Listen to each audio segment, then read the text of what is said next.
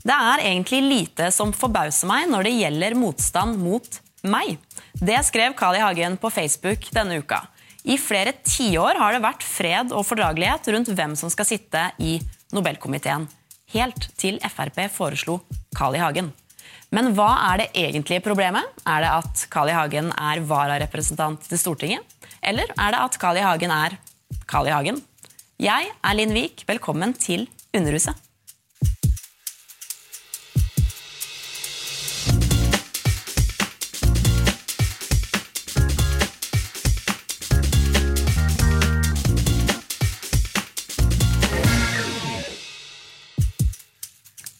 I eh, nesten 40 år så har et samlet storting på tvers av alle partier klart å samle seg om hvilke kandidater som skal få de prestisjefulle vervene i Nobelkomiteen og dele ut det som blir omtalt som verdens viktigste pris. Helt til nå.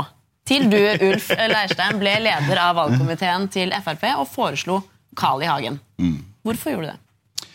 Nei, Jeg foreslo Carl I. Hagen og er glad for at stortingsgruppen sluttet seg til det. For Carl I. Hagen er en veldig dyktig politiker. Han har vært norsk toppolitiker i hele sitt voksne liv eh, og har gjort mye bra for kongeriket og er en flink politiker. Så selvfølgelig, hvis ikke han skulle være kvalifisert til Nobelkomiteen, så er jeg usikker på hvem i alle dager skulle være det. Det er ikke du helt enig i, Martin Kolberg? Ja, Ikke at ikke Carl I. Hagen kan være en god politiker. Men eh, vi er uenige på veldig prinsipielt grunnlag. Og det er fordi at Stortingets, eller Nobelkomiteens uavhengighet er det helt essensielle. Og eh, kravet til uavhengighet har økt, vil jeg si, eh, gjennom de senere årene. Og det som jo Fremskrittspartiet utfordrer her, er jo hele instituttet. Fordi de altså vil ha valgt en person som har en klar tilknytning til Stortinget. Og det er den grensen som skaper denne, den, denne uenigheten.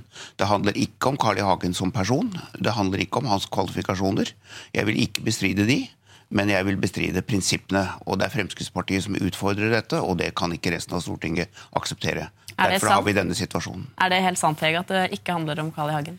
Eh, Jeg tror ikke det er helt sant. Jeg ser at de argumentene om at han er vararepresentant, og at han sitter i utenrikskomiteen og, og kontrollkomiteen når han er inne, eh, er relevante argumenter. Men eh, sånn som jeg leser den situasjonen, så handler det om mer. Det handler også om Carl I. Hagen, og det handler om hans politiske grunnsyn på en del ganske sånne viktige områder.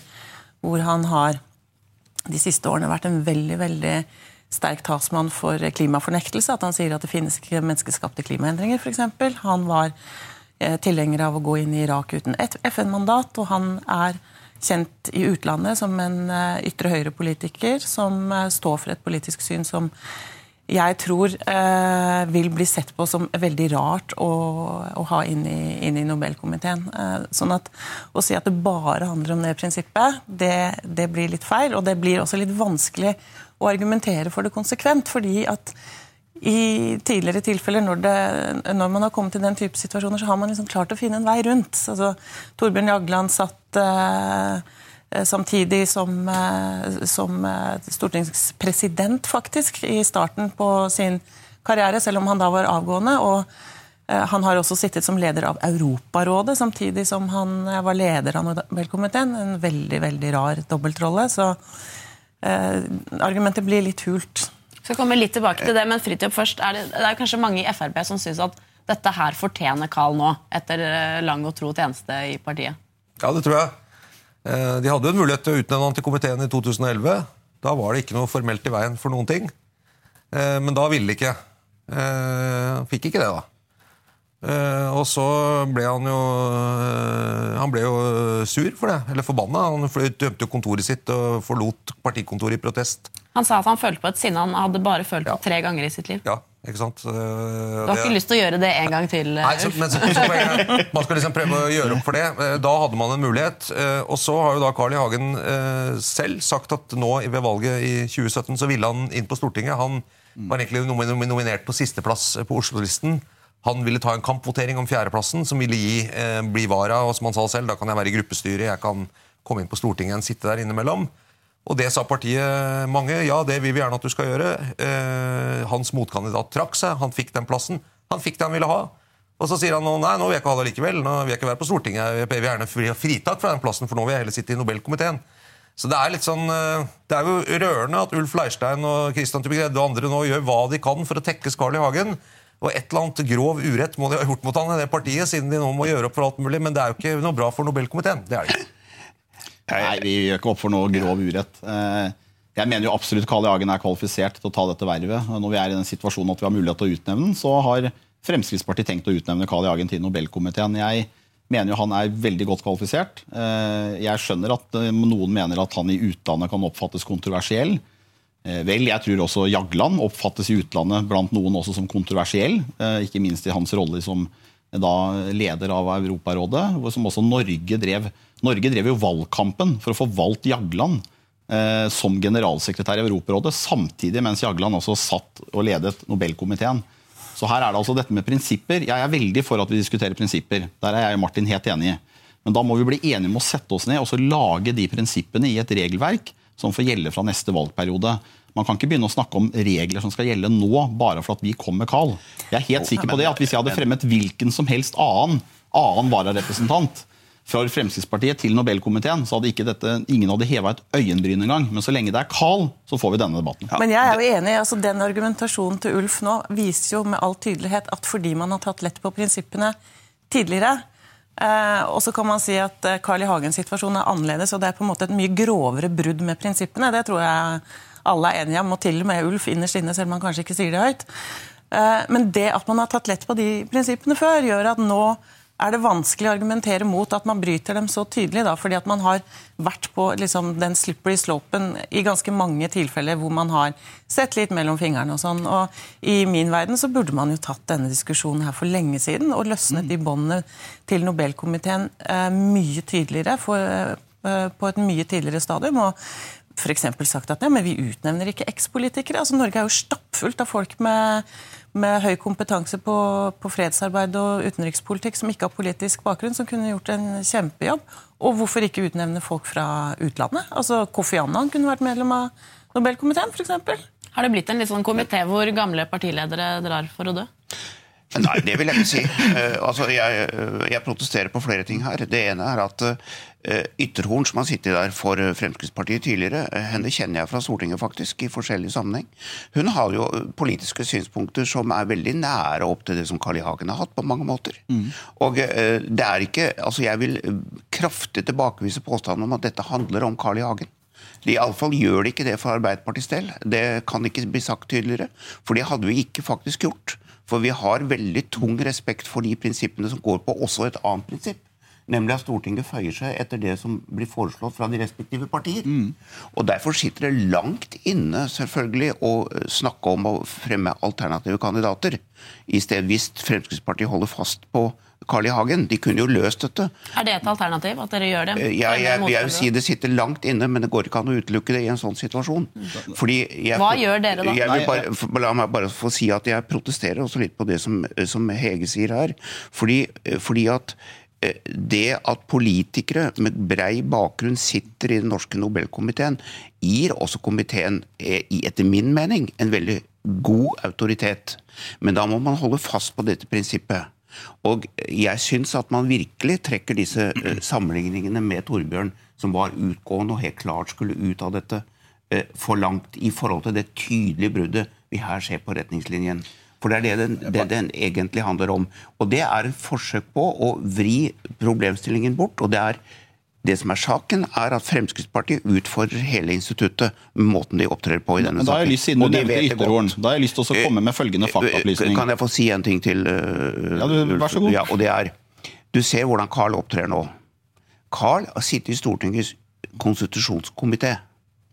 Han vet at han ikke kan be om fritak fra Stortinget. Han vet at han ikke kan det. Selvfølgelig, og det vet dere også. Men allikevel så spiller han inn det kortet for å skape enda mer uro i situasjonen og oppfører litt sånn småsnurt, som man jo har uh, profesjonell evne til å gjøre innimellom. Jeg kjenner Carl godt og eh, kan klappe ham på skuldra, men han har den egenskapen. Og så skaper han en situasjon hvor folk begynner å forholde seg til det. Og begynner å trekke inn andre argumenter. Nei, nei, nei. Fremskrittspartiet utfordrer dette fordi det bryter et hedvunnet, viktig prinsipp ved utnevningen til komiteen. Da har jeg lyst til å si følgende, siden du nevnte Ytterhorn. Eh, hun ble utnevnt for 18 år siden. Eh, da var altså, I 99 så var Inge Marie Ytterhorn andre vararepresentant til Stortinget for Hordaland. Hun ble altså utnevnt uten noen innsigelse innsigelser fra Arbeiderpartiet. Eh, uten noen innsigelser fra noen. Eh, par, altså Året etterpå eh, så møter altså Inge Marie Ytterhorn i Stortinget som vara for Hans Røsjordet. Men så er det Nobelkomiteen. Ingen debatt i media, ingen innsigelser fra det norske Arbeiderpartiet.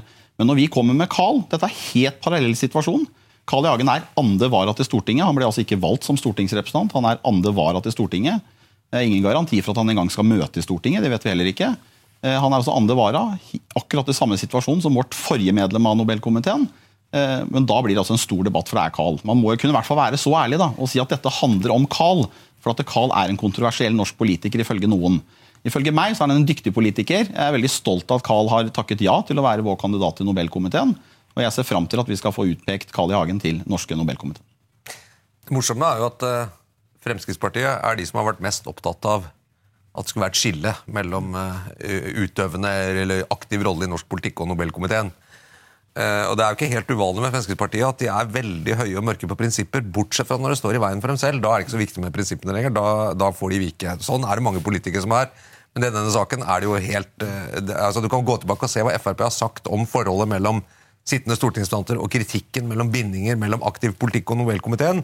Eh, og så kan du gå og se hva de gjør nå. Det henger ikke på greip. Det vet Leirstein også. De møter jo, seg nå, selv legger i døra, men... grunn, nå legger jo dere til grunn at en annen vararepresentant i Stortinget er en særs aktiv politiker.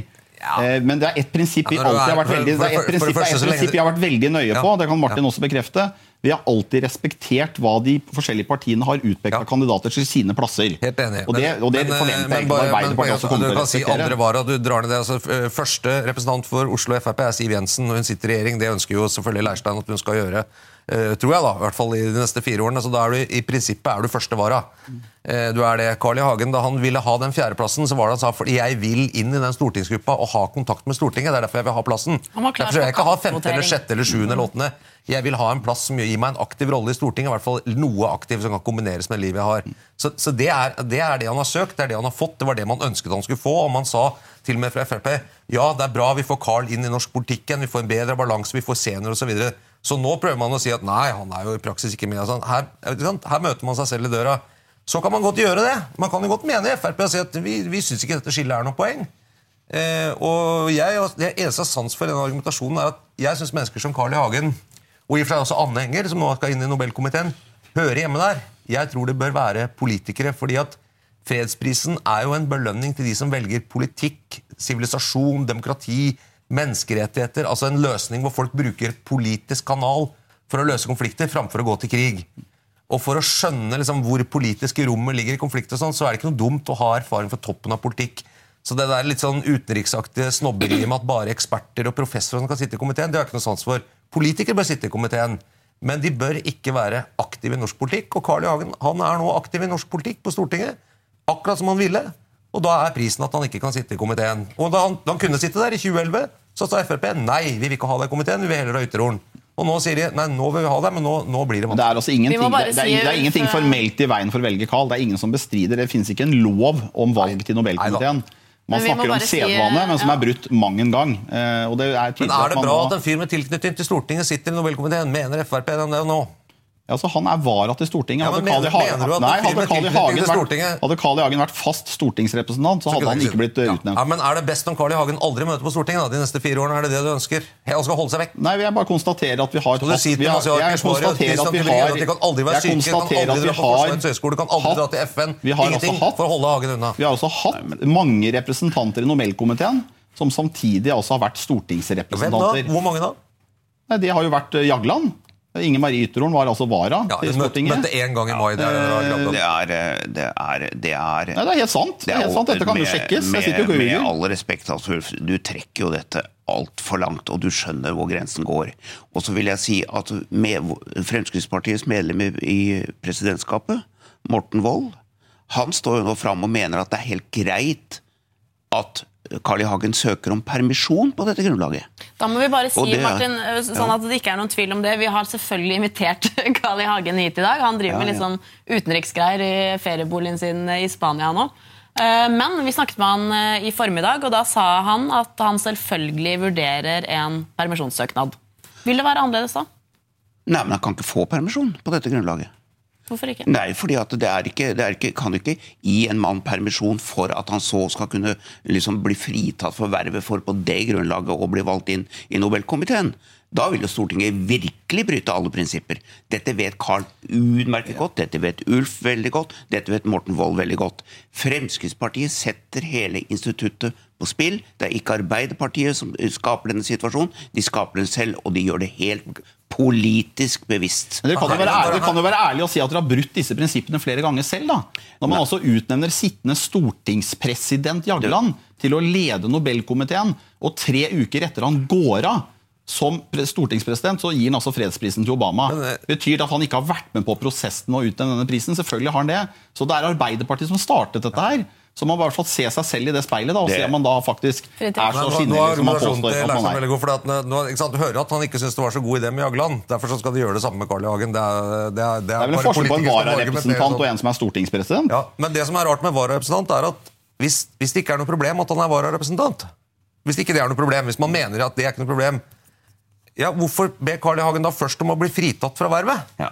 Jo, for det han mener er et problem. Og så sier han jeg kan Nei, ikke vi få gjorde ikke, fritak. vi gjorde ikke det først. Han sier at han skal gjøre det lettere for Fremskrittspartiet, Ja, har foreslått Carl, og vi vet at han er Ja, annen så- vararepresentant. Så søker han fritak, det er, eh, og så søker han permisjon. For, eh, fordi at Han erkjenner jo tydeligvis at det er et problem, så da må jeg ta fritak eller permisjon da, for, å, for å slippe å møte i Stortinget. Ja, det er ingen- jo noe med argumentasjonen der som ikke henger på grep. Så vil jeg bare legge til, eh, og det er at ja, eh, det var eh, galt av Arbeiderpartiet å utnevne Torbjørn Jagland til Nobelkomiteen i 2009, da han fortsatt satt på Stortinget. Det har man sett nå. Det var enda galere av Arbeiderpartiet å renominere han når han sitter som generalsekretær i Europarådet, fordi det roter med komiteens uavhengighet. Det var en feil av Arbeiderpartiet. Og hvorfor gjorde man det? Jo, jeg tror litt av den samme grunnen som nå med Carl I. Hagen. Man følte man måtte gi Jagland et eller annet. Det handler om personalpolitikk og nasjonale, eller kanskje til og med interne politiske hensyn, framfor hensynet til prisen og komiteen.